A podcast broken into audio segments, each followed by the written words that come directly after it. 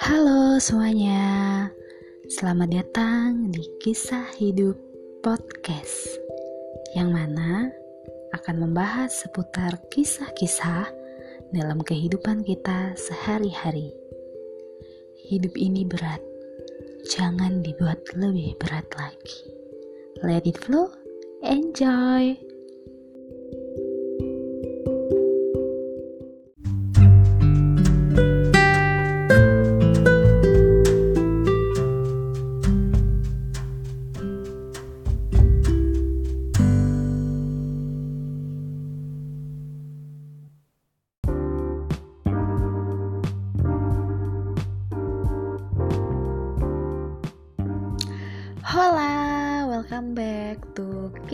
Hidup Podcast.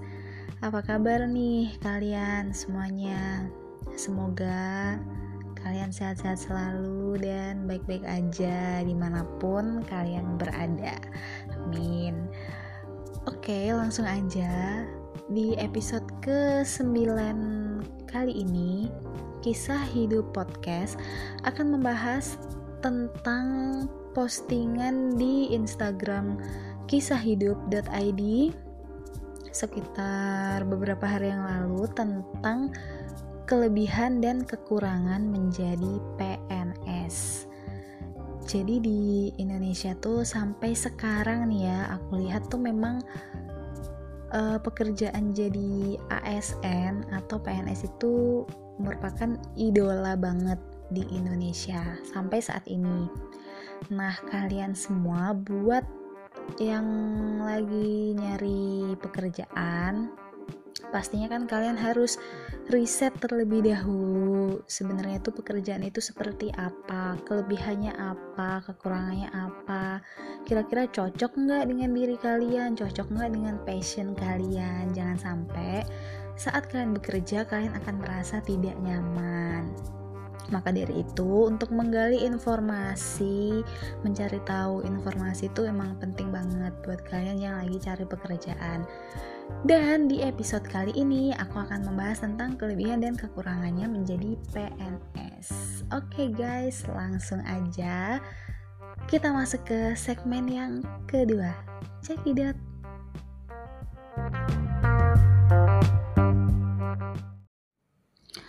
Oke okay guys, kita udah masuk ke segmen yang kedua.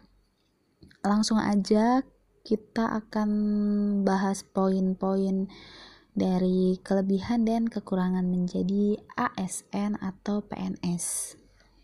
Jadi buat kalian yang lagi penasaran banget nih memantapkan hati, pingin banget jadi PNS atau ASN, nah tapi Kira-kira kelebihannya apa ya? Pasti kalian udah banyak yang tahu kan kelebihannya apa. Tapi di samping itu juga ada kekurangan, bukan hanya PNS aja, dari semua pekerjaan tuh pasti ada kelebihan dan kekurangannya guys. Oke langsung aja, uh, aku akan ngebahas kelebihan PNS dulu ya. Kelebihan dari PNS itu yang pertama adalah gaji dan tunjangan yang sudah pasti dan menjanjikan. Jadi memang sebenarnya kalau di PNS itu ada gaji pokok dan ada tunjangan. Kalau gaji pokok itu sesuai dengan tingkat pendidikan kalian seperti nanti hubungannya itu sama golongan kalian misalkan kalau kalian D3 kalian masuk ke golongan 2 kalau kalian S1 kalian masuk ke golongan 3 jadi dua tuh ada 2A, B, C sampai D. Nanti golongan 3 pun juga seperti itu dan seterusnya. Sebenarnya kalau dari gaji pokok itu nggak sebegitu besar. Cuman biasanya kalau PNS itu lebih besar kepada tunjangannya. Karena tunjangan itu dihitung berdasarkan kalian masuk kerja. Jadi jika kalian uh, ini di beberapa instansi ya mungkin masing-masing dari instansi itu memperlakukan beda dan juga tunjangannya itu berbeda-beda setiap instansi. Cuman biasanya tunjangan itu memang dihitung dari hari kalian masuk kerja. Jadi misalkan kalian nggak masuk kerja ya, pasti nanti ada beberapa potongan-potongan gitu.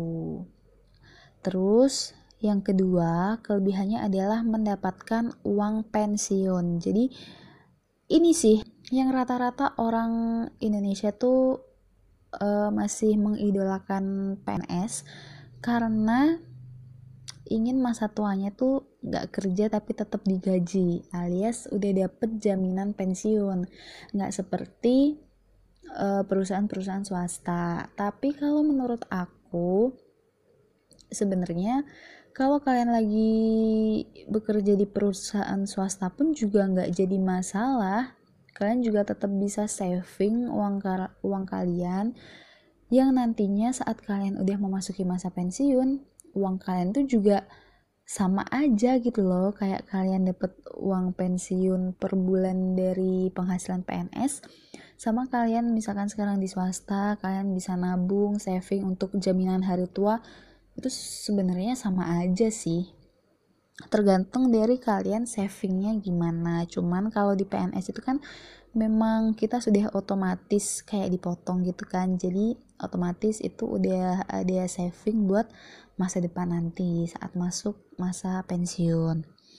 Lalu kelebihan yang ketiga yaitu aman dari PHK memang sampai saat ini belum ada setauku ya belum ada kasus PNS itu di PHK kecuali kecuali dia memang melanggar aturan atau bermasalah seperti itu.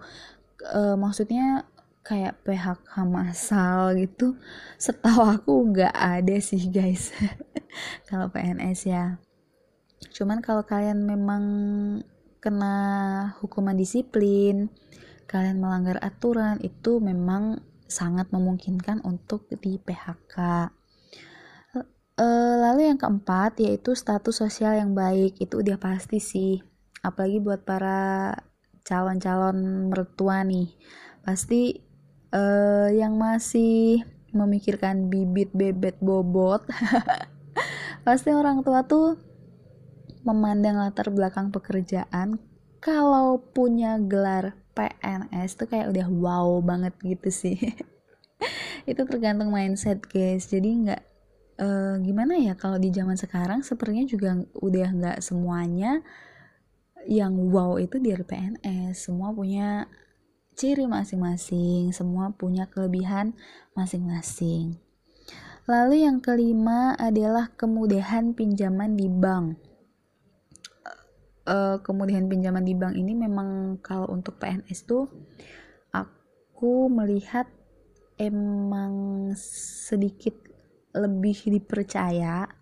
Jadi emang mudah untuk uh, mengajukan pinjaman di bank. Seperti misalkan kartu kredit pun juga itu menurutku kalau PNS tuh gampang. Kan kadang kalau kita mau mengajukan kartu kredit kan agak susah ya.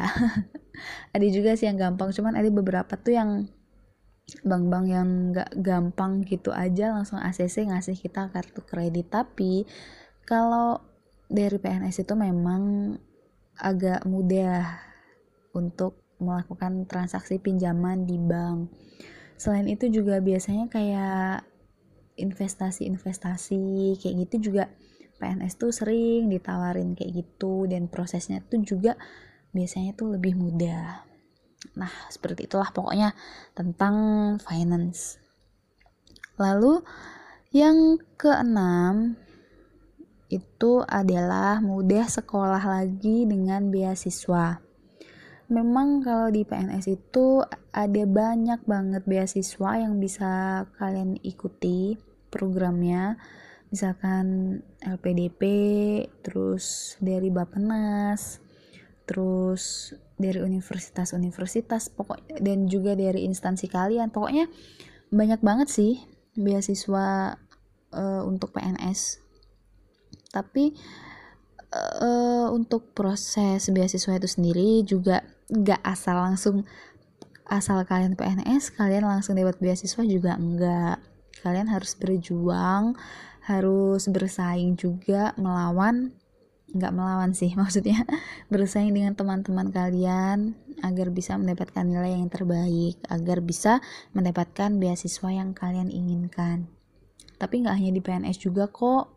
Uh, setahu aku juga banyak perusahaan-perusahaan yang lain yang kita itu bisa mengajar siswa misalkan lagi dengan beasiswa itu juga bisa. Tapi memang kalau di PNS itu banyak oke aku ngebahas kelebihannya 6 aja sekarang kita lanjut ke kekurangannya kekurangannya aku juga ngebahas 6 yang pertama yaitu terikat aturan dan birokrasi. Itu udah pasti banget karena negara Indonesia ini adalah negara kesatuan dan negara hukum. Jadi semua yang kita lakukan itu berdasarkan dari hukum. Ada aturan dasarnya.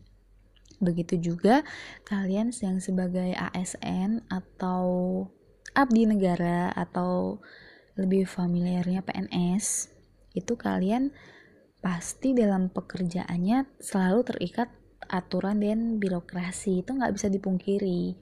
Memang kalian selalu terikat aturan. Terus yang kedua tidak bisa negosiasi gaji. Nggak kayak di perusahaan-perusahaan swasta ya kan kita bisa tuh misalkan uh, kita punya pengalaman yang lebih tinggi tingkat pendidikan juga lebih tinggi kita bisa mematok uh, gaji standar gaji kita tuh berapa. Tapi kalau di PNS tuh nggak bisa ya. Memang berdasarkan pendidikan kalian itu kalian udah dapat segitu gaji pokoknya. Dan tunjangannya juga udah ditentukan oleh instansi masing-masing lalu yang ketiga siap ditempatkan di mana aja nah ini dia yang sepertinya tuh berat banget untuk para PNS tuh ini nomor tiga nih siap ditempatkan di mana aja di seluruh Indonesia. Jadi memang kalau kalian di menjadi PNS sudah jelas PNS itu adalah abdi negara, kalian mengabdi kepada negara. Jadi kalian harus siap ditempatkan di mana aja di instansi kalian. Misalkan instansi kalian memang terdapat di seluruh Indonesia ya kalian siap-siap aja bisa ditempatkan di wilayah timur di Papua mungkin atau di Maluku mungkin sama kayak aku yang lagi di Ambon nah terus yang keempat rentan jenuh dengan pekerjaan banyak yang bilang PNS tuh santai kerjanya bahkan kadang tuh nggak kerja tapi dibayar alias makan gaji buta. Banyak juga orang-orang awam yang berasumsi seperti itu tapi sebenarnya enggak ASN yang sekarang tuh nggak bisa disamain sama mungkin yang zaman dulu-dulu adalah ya. Tapi yang sekarang tuh memang ASN itu sangat disiplin karena Bapak Presiden kita Joko Widodo memang sudah menghimbau kepada para ASN bahwa kita itu kerja untuk melayani masyarakat. Jadi tahu kan motonya kerja kerja kerja. Begitu juga PNS atau ASN ini. Kita dituntut kerja sepenuh hati sepenuh jiwa dan raga untuk melayani masyarakat. Jadi kalau ma masalah jenuh tuh ya emang kerjaannya seperti itu. Kerjaannya itu itu aja. Nggak bisa berinovasi gitu. Kayak ya bisa sih berinovasi. Maksudnya kembali lagi kan terikat aturan dan birokrasi. Jadi harus sesuai dengan aturannya. Mungkin kalau di perusahaan swasta kan kalian bisa punya ide mengajukan pendapat kalian untuk berkreasi berinovasi bagi kemajuan perusahaan. Nah kalau di ASN ini memang nggak bisa seperti itu bisa sih cuman kembali lagi harus terikat dengan birokrasinya dan aturannya gimana harus disesuaikan Lalu yang kelima, gaji nggak sebesar karyawan swasta. Nah, ini relatif sih, tapi memang mayoritas karyawan swasta kan gajinya besar ya guys. karyawan swasta BUMN tuh memang kayaknya gajinya lebih besar daripada PNS. Tapi kembali lagi kalau PNS itu kan memang tadi di kelebihannya mereka punya jaminan pensiun. Sedangkan kalau karyawan swasta kan nggak ada jaminan pensiun. Jadi dengan gaji yang sebesar itu harus pandai-pandainya kalian untuk saving demi masa depan kalian. Kalau dihitung-hitung tuh sebenarnya juga ya bisa dibilang sama aja lah ya. Tergantung diri kalian masing-masing lah. tergantung kalian gimana mengatur keuangan kalian. Lalu yang keenam, yang terakhir nih, sulit untuk berkembang. Ini ada hubungannya dengan jenuh sih. Dan ada hubungannya sama aturan dan birokrasi. Sulit untuk berkembang di sini adalah yang kayak aku sampaikan tadi. Jadi nggak bisa kalian mau berinovasi, berkreasi seperti yang kalian mau, yang kalian inginkan tuh nggak bisa. Kalian boleh mengusulkan pendapat, kalian boleh berinovasi, tapi tetap sesuai dengan aturan dan birokrasi yang ada. Karena negara kita ini adalah negara hukum dan PNS itu memang tugasnya adalah melayani masyarakat. Jadi apa pun yang kalian lakukan itu memang harus berdasarkan dengan peraturan-peraturan yang berlaku di Indonesia. Nggak bisa seenaknya sendiri. Misalkan kalian mau bikin program apa gitu, nggak ada dasarnya. Nggak bisa, kali maksudnya untuk keuntungan pribadi ya itu nggak bisa oke okay, kayaknya itu aja sih aku udah bahas kelebihan menjadi PNS ada 6 dan kekurangan menjadi PNS ada 6 Semoga informasi yang aku sampaikan ini membantu kalian buat kalian semua yang ingin menjadi PNS. Mungkin kalian bisa request konten apa lagi yang akan aku sampaikan. Kalian bisa langsung hubungi kontak atau DM di Instagram at kisahhidup.id silahkan kalian berkontribusi. Kalian misalkan mau kak gimana dong cara jadi PNS biar tips and trick biar lolos? Atau mungkin kak gimana dong? Aku lagi galau banget nih pekerjaan yang uh, kira-kira cocok buat aku tuh yang kayak gimana ya buat fresh graduate. Mungkin kalian mau curhat-curhat juga silahkan kalian hubungi kontak di at kisahhidup.id semoga apa pun yang saya sampaikan bisa membantu kalian semua Oke okay guys, gitu aja di episode 9 kali ini. Tetap sehat selalu buat kalian, stay safe di mana pun kalian berada. Good luck and God bless you. Thank